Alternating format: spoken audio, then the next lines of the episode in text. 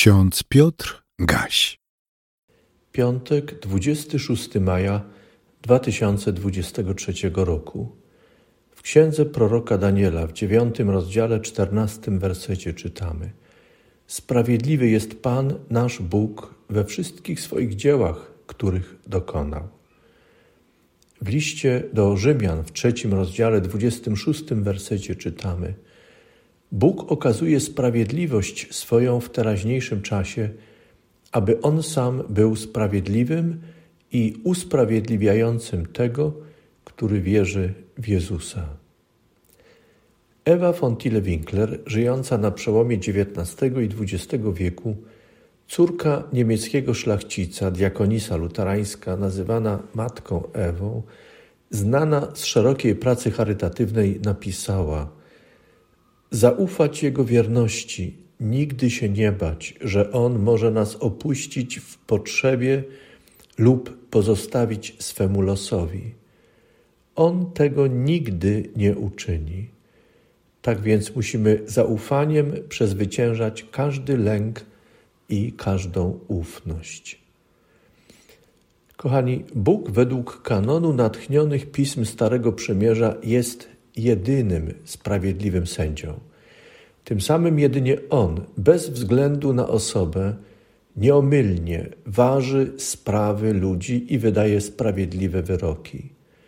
Ujmuje się za skrzywdzonymi oraz karze tych, którzy czynią zło.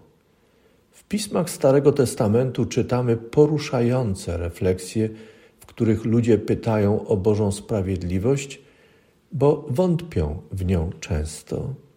Sprawcy zła nie liczą się z Bogiem i nie boją się Jego sądu.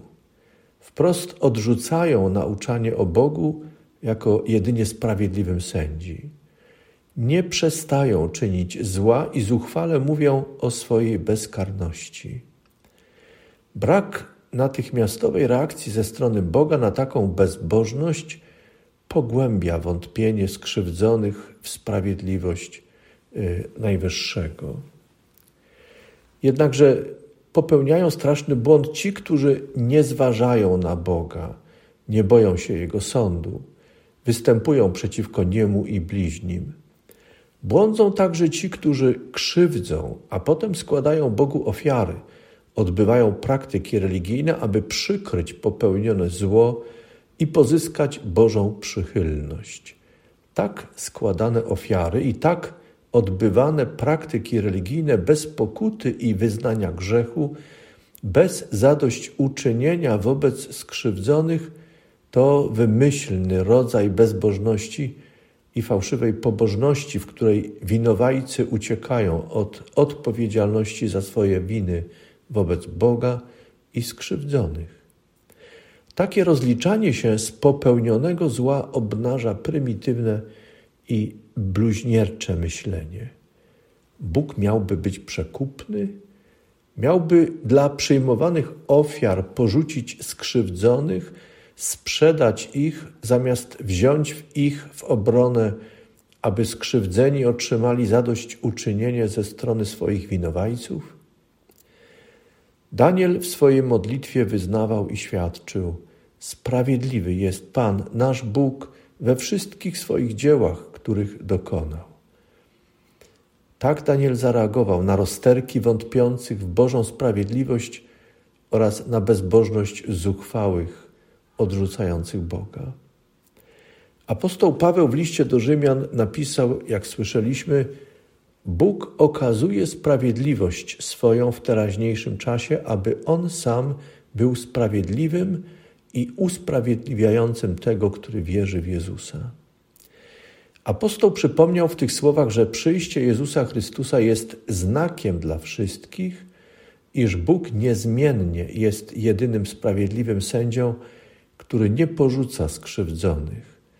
Bóg poprzez Jezusa, doskonałego sługę Pana, przepowiadanego w księdze Izajasza, upomina się o sprawę skrzywdzonych, bierze ich w obronę.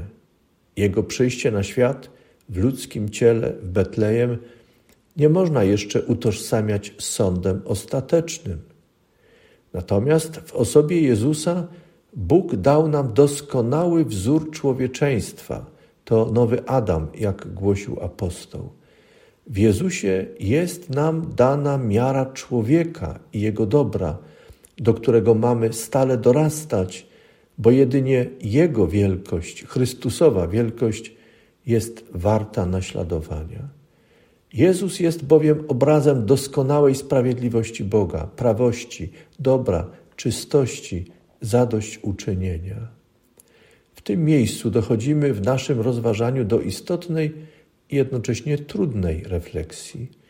Jezus Chrystus jako prawdziwy, doskonały człowiek, jako sługa Pana, nowy Adam, obnaża naszą niedoskonałość. Pokazuje nam nasz prawdziwy stan, jakimi jesteśmy ludźmi. No właśnie, jacy jesteśmy?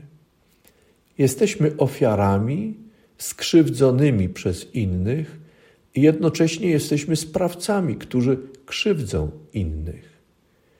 Może teraz protestujemy. Możemy uważać, że to niesprawiedliwy osąd. Pomyślmy o jednym zdaniu, które Chrystus wypowiedział do ludzi uważających się za doskonałych. Przypomnę to zdanie. Kto z Was jest bez grzechu, niech pierwszy rzuci na nią kamieniem.